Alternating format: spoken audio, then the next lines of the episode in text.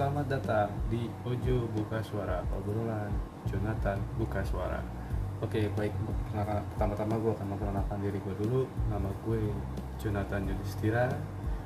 Eh, Tema hari ini yang akan gue bahas yaitu tentang New Normal. By the way eh, Mungkin dalam masa pandemi COVID-19 banyak berubah tatanan masyarakat dunia bukan Indonesia saja. Guna mencegah penularan wabah virus corona yang meluas masyarakat dihimbau untuk ataupun dipaksa tinggal di rumah sekolah bekerja bahkan beribadah pun dianjurkan untuk dilakukan di rumah. Hampir semua negara banyak menghimbau warganya untuk tidak beraktivitas di luar jika tidak yang terlalu yang mendesak atau yang penting-penting saja. Terkecuali memang bagi mereka yang harus keluar dan kegiatannya tidak bisa dilakukan di rumah. Perubahan ini tentu juga berdampak luas di banyak sektor. Pasalnya berubahnya aktivitas masyarakat tersebut menjadi dunia usaha sepi seperti bidang pariwisata. Contohnya di tempat eh, pantai eh, hotel ataupun yang lain-lain.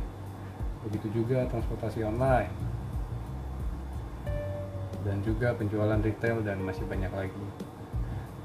Tapi berjalannya waktu tinggal di rumah dinilai tidak bisa selamanya diterapkan untuk menjaga keseimbangan perekonomian. Kita lihat sekarang mungkin bagi kalangan yang menengah ke atas yang memiliki usaha.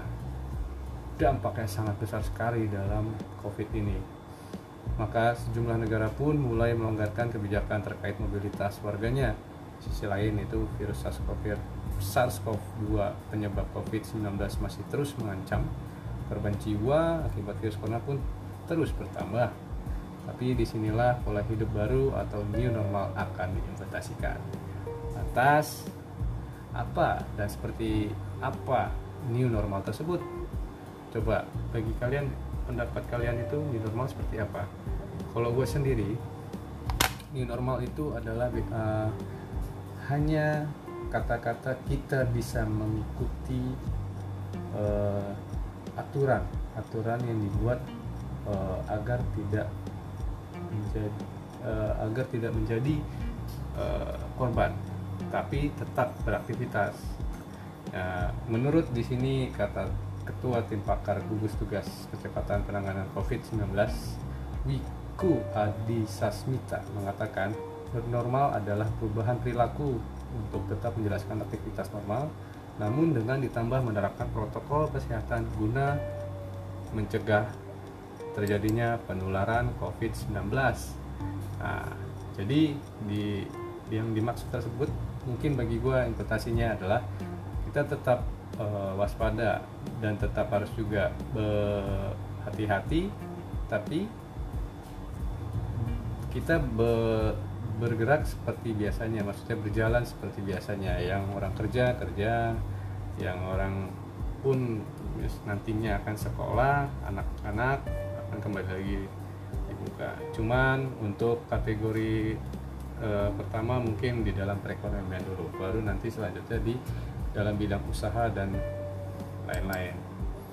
E, tapi e, dalam sampai saat ini mungkin